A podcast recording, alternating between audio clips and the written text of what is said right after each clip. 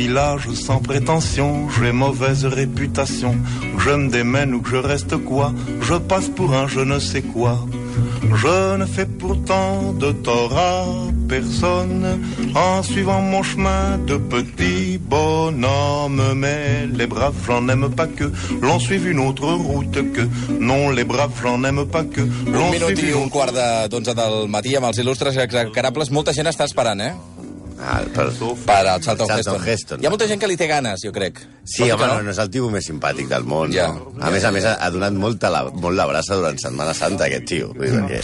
Sí, eh, eh, de fet, eh, ara t'anava a preguntar una cosa, ara en parlem d'ella, eh, però mm, la setmana que ve vindreu al Via Lliure, o no? Sí, home, Dissabte i diumenge. Ah, home, fem doblete. Sí, Feu doblete. Home, sí, clar. Diumenge a presentar una Diumenge venim a llibre. parlar del llibre, clar. Que, per cert, el presentem aquesta setmana. El presentarem, sí, dijous. Que bé, dijous. Dijous a les 7. A la... llibreria Malpasso. a la A llibreria Malpasso. Curiosament. I curiosament amb un presentador Jugant a casa. Què, qui és, qui és? Home, tu, tu mateix. Ah, no? jo? Però si encara no d'allò. Com, com, com es fa una presentació de llibre? Pues tu vas... Tu parles bé de nosaltres i nosaltres et diem que no. Tu ens la, ens la xupes molt. No, però perdona, jo què he de fer? O sigui, us heu de preguntar coses Sí, o us he de... tu, com preguntes. Jo pregunto. Sí, no expliquis la veritat, tu que deia ara el Delgado, tu no diguis el que penses. Sí. És important, val. Perfecte. Gairebé, un quart d'onze del matí, dijous, Dijous. a les 7 de la A tarda, de la llibreria. Malpasso, presenteu el llibre dels il·lustres execrables i no, no he parat de rebre eh, missatges aquesta setmana i gent, fins i tot, que em demanava a veure si em podien fer arribar un exemplar perquè el signéssiu. Home, sí. Vull dir que ho sapigueu. Que, que, que vulgui, que, que estarem aquí dissabte i diumenge, i diumenge, i diumenge donant voltes per Exacte. Barcelona. Bé, a Charlton Heston, a veure, què? Mira, Charlton Heston, evidentment, com dèiem, és una, un, una estrella però de, les, de, de, de cinema a les d'abans, de quan Hollywood era un lloc on es feien pel·lícules allò a, a tot i plen. Vull fins i tot es feien amb actors, i no amb ordinadors i dinosaures, eh? Ell, per- eh, Charlton Heston ja devia tenir aquest posat de d'home important. Ell va interpretar les grans figures de la història de la humanitat. Ell va ser, per exemple, Miquel Àngel. A veure, pels de l'ESO, Miquel Àngel era un escultor i un pintor renaixentista italià, no una tortuga ninja. Ja m'ho esperava, ja m'ho esperava. També va fer el Cid, que era un guerrer medieval espanyol i no un torero, com ara és el que seria famós. Va fer de Coronel Taylor al planeta dels simis. En aquesta pel·lícula és molt fàcil que el distingiu perquè és l'únic que no és un mico, eh? També va ser Moisès en els Deu Ai, Manaments. sí. home, això és... Jo, de potser si no l'he vist 30 vegades, no l'he vist- La no vist pel·lícula cap. favorita de Terence Moix. Sí? Sí, sí, no? Eh, I després són pel- pel·lícules que han marcat la història del cinema. La favorita del senyor Marcelí, que ara en comentaven, que deia que és Cuando el destino nos alcance, que és una pel·lícula que no tinc el gust, però si li agrada al senyor Marcelí, em sembla meravellosa. Cuando ruge la marabunta, Ai, sí. de mal, 55 dies a Pequí, Horizontes de grandeza, La batalla de Midway, Terratrèmol, la primera pel·lícula de desastres, Aeroport 75, que bàsicament és molt bona perquè va, va inspirar Aterriza como puedas. I després va acabar com a actor als seus dies a Los Colby o Dinastia, que això no és poca cosa, eh? Avui hem portat els execrables al protagonista, òbviament, de Ben-Hur, la pel·lícula que es repeteix i repeteix i repeteix cada Setmana Santa, que en el seu moment va ser la major producció de Hollywood. Sí, senyor. Avui li donem una clatellada impressionant a l'actor, molt ben plantat, alt, feia 1,92 m. Què dius? Sí, sí, era, era, era un castell de tio. Sí. Que un dia va ser un tipus compromès amb els drets humans, però que va evolucionar cap a un tipus narcisista, homòfob, racista, xagatero, defensor de les armes. Avui és John Charles Carter, conegut com Charlton Heston. Ara, ara, ara, ara.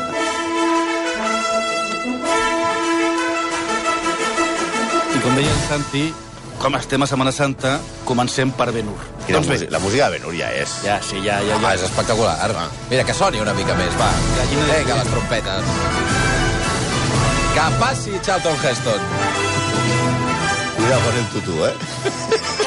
És veritat que semblava una mica tutu. Ara ho veuràs, ara veurem, ara ho veurem. Per què, eh?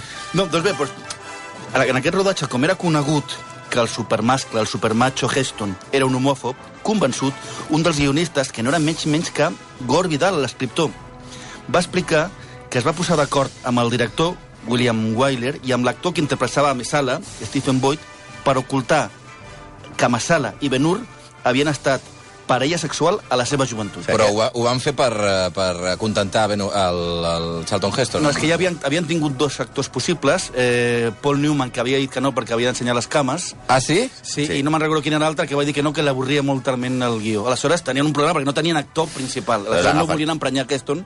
Agafaran catxes de Heston, que Supercatxes. era reconegut per les seves idees diguem-ne, no massa tolerants cap als homosexuals, Sí. però, però, clar, Gore Vidal i William Wyler i Stephen Boyd sabien... I, I com ho van fer? Vidal va posar el, el, el guionista Gore Vidal va posar molt subtilment frases que les podia haver escrit el Duque de Fire en, a, en a la pel·lícula, no? Allò, quan s'estan mirant i es veuen i es diuen tants anys i encara estem tan a prop. o, diu, tu m'aprecies? I Messala li contesta, sí, en tots els sentits. Oh! Sí. O fins i tot la, la, la millor eh, escena de totes, quan Messala mor a la, a la... Farem un spoiler, crec que no queda ningú que no l'hagi vista, no? Al final hi ha una carrera de quadrigues, Messala Sí. es mata i guanya Benur, vale? Exacte. Vale, bueno, quan, quan, quan es mor Messala a la carrera de quadrigues, Benur va veure'l mentre agonitza a l'arena de, de, del circ màxim i i el tio està destrossat perquè li ha passat el, la carrossa per sobre, els cavalls, allò... T'ha fet els, una els coca. cavallitos, el cotxe bombers, la- la- l'ambulància, i el tio, el tio està fet El cotxe de seguretat de la cursa, tot, tot. està fet piltrafa allà al mig, i Benur l'agafa, perquè havien sigut molt més que amics, i Mesala li diu encara queda en mi molt home per a tu.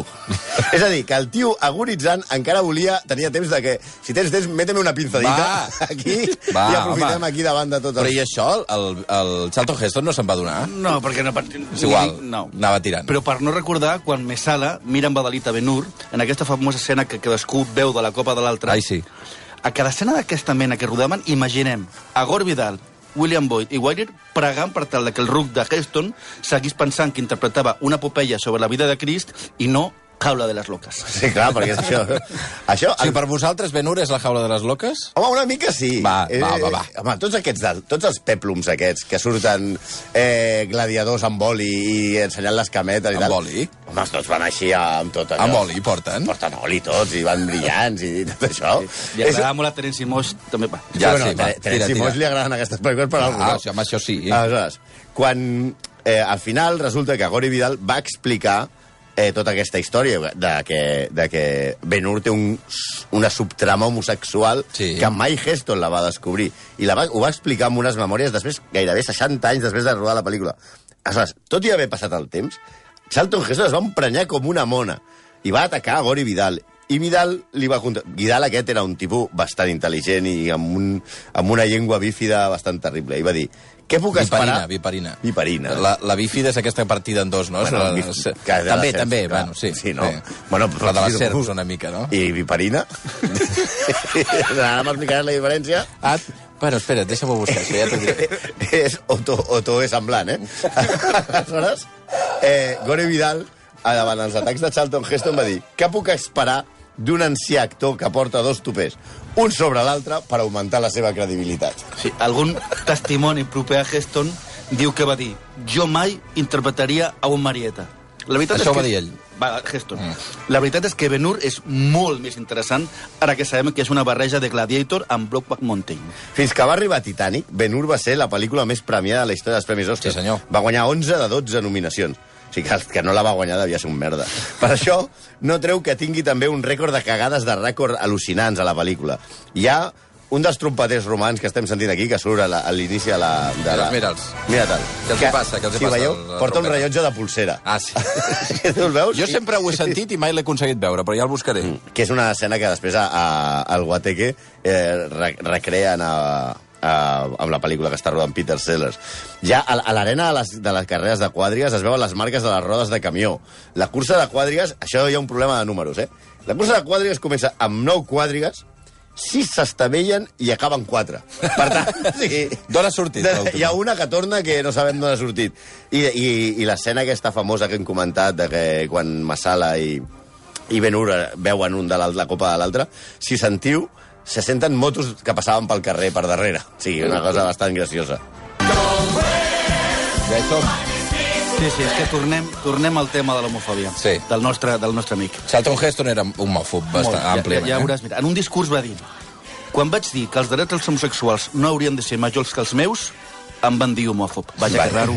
Es va sorprendre. Sí, sí, sí. En un altre acte es va queixar de que per anar a dormir amb una companya d'universitat et demanen una instància al rectorat. Però, en canvi, si un dentista té la sida, que per ell, si tens la sida, eres homosexual, Ah. no té obligació de dir-ho als pacients. També es va queixar de que els transexuals tenien drets a San Francisco, com un maig propi. Els de l'autobús de Los Niños Tienen Pene són Vivi Anderson, al costat del nostre mascle de barra de bar. Sí, però si la seva relació amb l'homosexualitat és de traca, espereu a veure la seva relació amb les altres races. Cal dir, a veure, un moment, eh, que Heston, als 60, era un defensor dels drets civils i que va estar a la famosa marxa de Martin Luther King de l'agost del 63, que va acabar amb el I Have a Dream. Sí o no? Ell estava allà, ell va, al públic. Ell va, ell, ell, ell va anar, va fer la marxa Ah. juntament amb Marlon Brando, amb Paul Newman o Sidney Poitier. I que fins i tot una vegada va formar part d'un piquet a la porta, hi ha una foto que es pot trobar a, a internet, Sí. un piquet a la porta d'un restaurant d'Oklahoma perquè no deixaven entrar negres i ell, amb altres famosos, es va eh, manifestar davant d'ell. Ell es posiciona en Ell aquest es va sentit. posicionar als 60. clarament a favor dels drets civils. Sí, però alguna cosa es va torçar a la seva ment just després, mm. perquè l'any 64 abandona el Partit Demòcrata i es Com? Que converteix era, de, en... que era dels demòcrates? Sí, sí, era totalment Home, demòcrata. sí. sí, sí, era pro-demòcrata. Fins al 64 que es torna Otoe Fatxa i passa a fer campanya pel senador ultraconservador Barry Goldwater. Aquell Goldwater és el tio que va dir que si entrava Xina a les Nacions Unides, Estats Units marxaria de les Nacions Unides. Sí, sí, un tio ja, ja, ja veieu. Alguna perla de Heston ja ens dona una idea de, de, de com no va la cosa. Em diuen racista només per dir que l'orgull blanc és tan lícit com l'orgull negre. Oh, alerta, l'orgull vermell. menys l'orgull gay, els tenia tots. Però aquesta altra frase també m'agrada molt a mi de, de, de Charlton Heston. Per mi, això de les identitats és un conte, especialment el dels nadius americans. Jo sóc nadiu americà, per l'amor de Déu! O aquesta última. Eh, o sigui, aquest no sabia que abans hi havia els, els, els que feien servir la paraula otoe. Sí. Diu, he servit a la Segona Guerra Mundial contra les potències de l'eix, però durant un discurs, quan vaig fer una analogia per distingir els jueus innocents i de la mateixa manera els innocents propietaris d'armes, em van dir antisemita. No, em van dir antisemita, col·lega, per no dir-te racista. Això no és tot. Va dir que el cel ajudi els temerosos de Déu, respectuosos de la llei, caucàsics, de classe mitjana, protestants o fins i tot pitjor, cristians evangèlics del Medi, del Medi Oest o del Sud, o encara pitjor, rurals, aparentment heterosexuals. Aparentment, eh? Aparentment. Hereus d'armes, o pitjor, de l'associació del rifle i que treballen dur, perquè no només no compten, pels universitaris progressistes són un obstacle. Tots los rojos són molt malos. O aquesta altra joia. La Constitució es va dictar per guiar-nos per un grup de savis individus blancs, morts, que van inventar aquest país. Ara, algun, alguns s'escandalitzen quan dic això. Per què? És veritat, eren blancs. Ells, mateix, ells mateixos el mateix va passar en la majoria dels tipus que van morir en nom de Lincoln, oposant-se a l'esclavitud en la dècada dels 60. I nosaltres que pensàvem que Trump representava el pitjor d'Amèrica. Quin collons amb Charlton, eh? Sí. En, en un altre assumpte que, que això ho coneix tothom, fins i tot els de, de l'ESO, que, que has comentat tu a l'inici, és que Heston es va fer president de l'Associació Nacional del Rifle, on va arribar després d'un encès discurs en el qual mantenia que la política americana havia començat una croada contra els homes blancs i les dones blanques. Doncs bé, també aquí va canviar d'opinió, perquè després de l'assassinat del senador Robert Kennedy per un mm -hmm. pistoler, Heston va defensar la llei de control d'armes del 68. O sigui, ell comença a defensar la llei de control d'armes i acaba sent president de l'Associació Nacional del Rifle. Eh, la llei aquesta de control d'armes era una llei federal que regulava les armes de foc. I ell va sortir a un programa de televisió que Sí. es deia The Joy Bishop Show, de la cadena ABC, on va dir que aquest projecte de llei no és un misteri. Siguem clars sobre això. El seu propòsit és simple i indirecte. No és privar l'esportista de la seva arma de casa, el tirador del seu rifle de blanc, ni negar a qualsevol ciutadà responsable el seu dret constitucional a posseir una arma de foc. És per prevenir l'assassinat de nord-americans. Vale, tot això queda Això molt ho va bé. dir ell. Això ho va dir ell. Però és que ni Darth Vader va fer un canvi tan radical. Vull dir, de defensar que no tinguessin armes per, per, per evitar assassinats, va passar a cridar amb al·lusió al, al projecte d'Al Gore, definitivament aquest home amb els Gore tenia un problema, si és Gore Vidal o Al Gore, amb un Winchester de 1866 a la mà sobre el seu cap cridant que per llevar-li el rifle caldria fer-ho de les meves fredes mans mortes. Un poeta, també, Heston. I have only five words for you.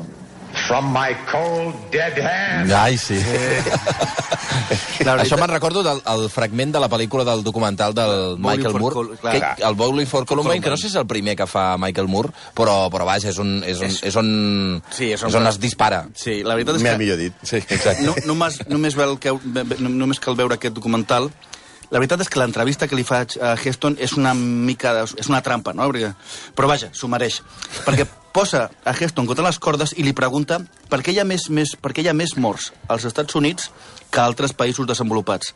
Heston, sense immutar-se, diu bé, segurament nosaltres tenim més barreja ètnica que altres països. Clar, això és el que I això- provoca que hi hagi tants morts. Clar. I això que l'entrevista era Hi ha, de gent, Michael... hi ha gent diferent. Sí, sí. Llavors es, es maten. Però, però, però aquesta entrevista era de Michael Moore, que era una entrevista a la contra, però imagineu que l'entrevista la fa Bertino Osborne. T'imagines? Jo que ha, ha, ha estat molt interessant una entrevista al Bertino Bertino Osborne. Osborne i els Home. dos així igual alts i tal, així. Exacte. ja sé. Antonio, a ti que te gusta? Ja. Però estava bé aquella època. No, a veure, hi ha, hi ha una part que, que, com es veu, que deia el Malcolm, Es veu molt fotut allà. ell està molt fotut i l'entrevista li fa com una mica de trampa. Heston es creu que va parlar de la seva carrera i després Ah. arriba amb ell i, i, i, i la degeneració li venia de lluny. Penseu que ell també havia, havia, havia sigut molt amic de Ronald Reagan, no? I després, I després també deien que tenia un problema eh, no només mental, va acabar morint per una mena d'Alzheimer, sinó també que es veu que el tio pimplava molt. Ja. Però respecte a l'alcohol, nosaltres sabem molt bé que té conseqüències negatives. Que, però no hem, provat, no hem comprovat encara que et converteix en un fatxa reaccionari, perquè això no sembla estar entre els efectes secundaris de l'alcohol. Perquè si fos així, el Malcolm jo seríem Margaret Thatcher ara mateix. Val a dir que Heston va presidir l'Assemblea de, de l'Associació Nacional del Rifle a Denver, que està a molt pocs quilòmetres de Columbine, una setmana després de la matança de l'institut. Sí, senyor. Malgrat que les autoritats li van demanar que la, suspenguessin, i ahir se'n va negar. Sí, això va provocar un gran escàndol i fins i tot el director Spike Lee va dir que esperava que un dia fusellessin a Heston amb una Magnum 44, Apa, que és un pistolot otoe gros. Otoe, otoe.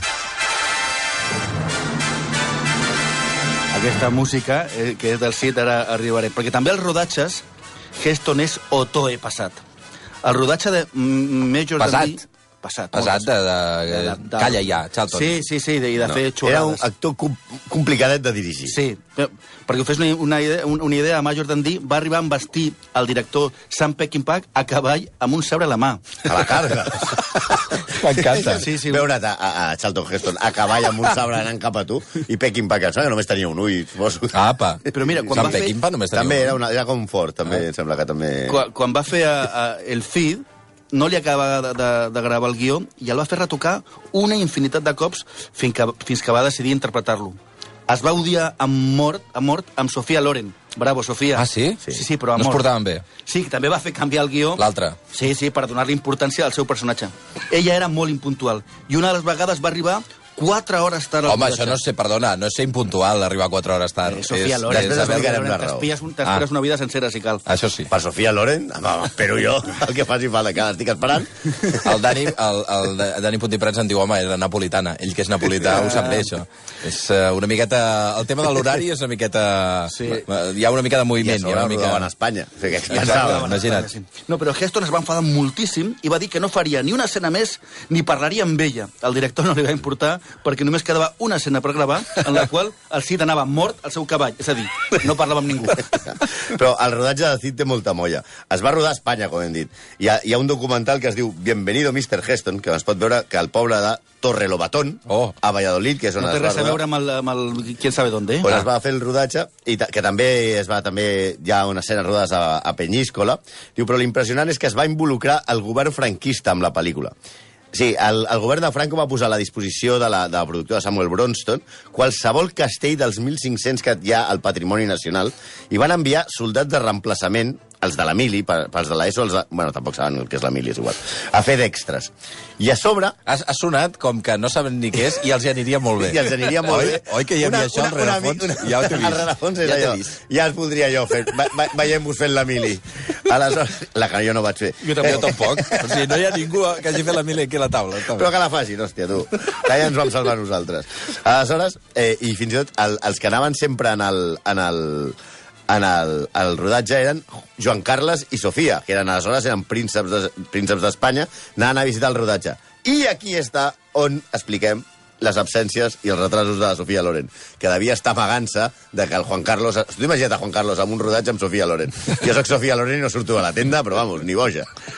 Que animal que ets. Però perquè el franquisme, molt gelós d'un símbol patri com el, com el Cid, col·laborés en la pel·lícula, havia d'estar segur que la imatge del Cid des i d'Espanya quedés molt bé. El productor, que era molt llest, Samuel Bronston, va demanar la col·laboració a Ramon Menéndez Pidal, un savi que tenia 95 anys. Per descomptat, li va semblar que el guió era un disbarat i que Heston un poca solta. Però en tanta visita, Sofia Loren, els, els prínceps, etc., tanta dispersió, va acabar per autoritzar el guió.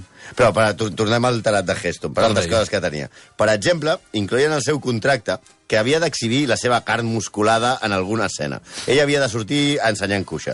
Això tornava bojos els guionistes que havien de despullar el nostre actor sense venir al cas. És a dir, no, no, no és que... No, no és que Però és que ho diu el meu contracte, m'heu de... Però te'n recordes abans que quan va començar el destape les actrius deien Sí. eh, lo exige el guión. Dius, home, pues, dius, suena el telèfon i sales en pelotas. Diu, home, exige el guión. Pots agafar el telèfon vestida? Que però, exacte. Pues ell feia al revés. Per, el, un cas molt exemplar és amb una seqüència del planeta dels simis en la qual Heston cau accidentalment i, i, i se li cau el, el, el, el taparraus aquest que porta perquè se li vegi el culet. Una mica taradet sí que estava el nostre amic, eh? Vinga. Oi, oi, oi, oi. Ara veurem la relació amb Carmen Sevilla. Perquè com tots els homes rectes, quan rasques una mica et trobes alguna cosa. I un de la, una de les coses que defineix a Charlton Heston és que, al contrari de la moda dels casaments i de divorcis múltiples de Hollywood, va estar, casat, va estar casat amb la seva dona 60 anys. Molt bonic. Però sabem que es va enamorar de, de, de diverses actrius i, ojo al dato, es va encapritxar de Carmen Sevilla. Carmen d'Espanya. Sí, la del Telecupón. Exacte. Jo soy la Carmen d'Espanya i no la de Merimé. Eh, que tot sigui dit, cosa que no ens estranya, perquè Carmen Sevilla era un bellezón No, guapíssima. descomunal. Era una de les dones més guapes de, de, que hi ha hagut a Espanya. I tenia enamorat Però li va a mig dir que país. no. Ella li va dir que no. Ah. Penseu que, a més a més, no només va rebutjar Charlton Heston, sinó també a José Luis López Vázquez. Eh? Les sueques! No, però tornem al, al cas Heston. En tot el rodatge de Marc Antoni i Cleopatra, Heston va perseguir l'actriu sense aconseguir-ho. Però ell, tan respectuós amb les dones, no es donava per vençut i va decidir saltar-se el guió en una escena i li va tocar els pits a Ah. Sevilla. Ah, sí? Com que estaven gravant... I el tio anava tot engorilat, venia de fer el planeta dels simis, i aleshores s'entén Va que- començar picant-se el pit. Va començar picant i va dir, aquí teta, va, un. Au. Clar, entonces ella, ella va dir, corten, corten, que Ella. no, que las tetas no están en el guión. I ell, com, com, com sabia que ella no parlava anglès, va dir, sí, sí que està, i punt. I aquí es va acabar. I així acaba la nostra Però història. això es va quedar a la peli. Sí, sí, sí. sí, es queda, veu sí, al veieu. moment de- Aquella pel·lícula de tocar- devia ser un festival, perquè és una pel·lícula que fan eh, eh, Carmen Sevilla... Mar, és un remake sobre l'antic Marc Antoni i Cleopatra, que fan Sofia Lo, ai, eh, Carmen Sevilla fent de, de Cleopatra, Charlton Heston Marc Antoni, i els generals romans són Sancho Gracia, Fernando Juan Rey. Luis Galeardo oh. i. Fernando Rey. Oh. E impressionant, un festival de testosterona. Com devia anar el soberano en, aquella, en aquell rodatge, tu. Així que ara ja podeu anar a veure Ben-Hur, Sí. o si preferiu Priscila, la reina del desierto, Que és el mateix. Que és el mateix, més o menys. Passen uh, 6 minuts de dos quarts d'onze al matí, execrables. salabrosos. Ah, per cert, no marxeu, eh, que m'heu de signar els dos Ah, llibres. Mira, què han de fer els oients per aconseguir-los? Doncs mira, entrar Venir ara mateix... despullats? No, entrar al Twitter del Via Lliure, que hi tenim penjat una... I penjar, o hi penjarem ara mateix una entrada eh, sobre, sobre un tuit sobre això, retuitejar-lo i entre tots els que, entre tots els que ho facin us endureu un llibre. I també està al Facebook, per tant, eh, per una de les dues bandes podeu, podeu aconseguir-ho. Execrables, signeu, eh? Ara mateix. Amb alguna brometa, alguna cosa... Ah, Una cosa O així toe. graciosa. eh? Gràcies, eh, execrables. Ara tornem. Tout le monde viendra me voir pendu. Via lliure, amb Xavi Bundó. Bien entendu,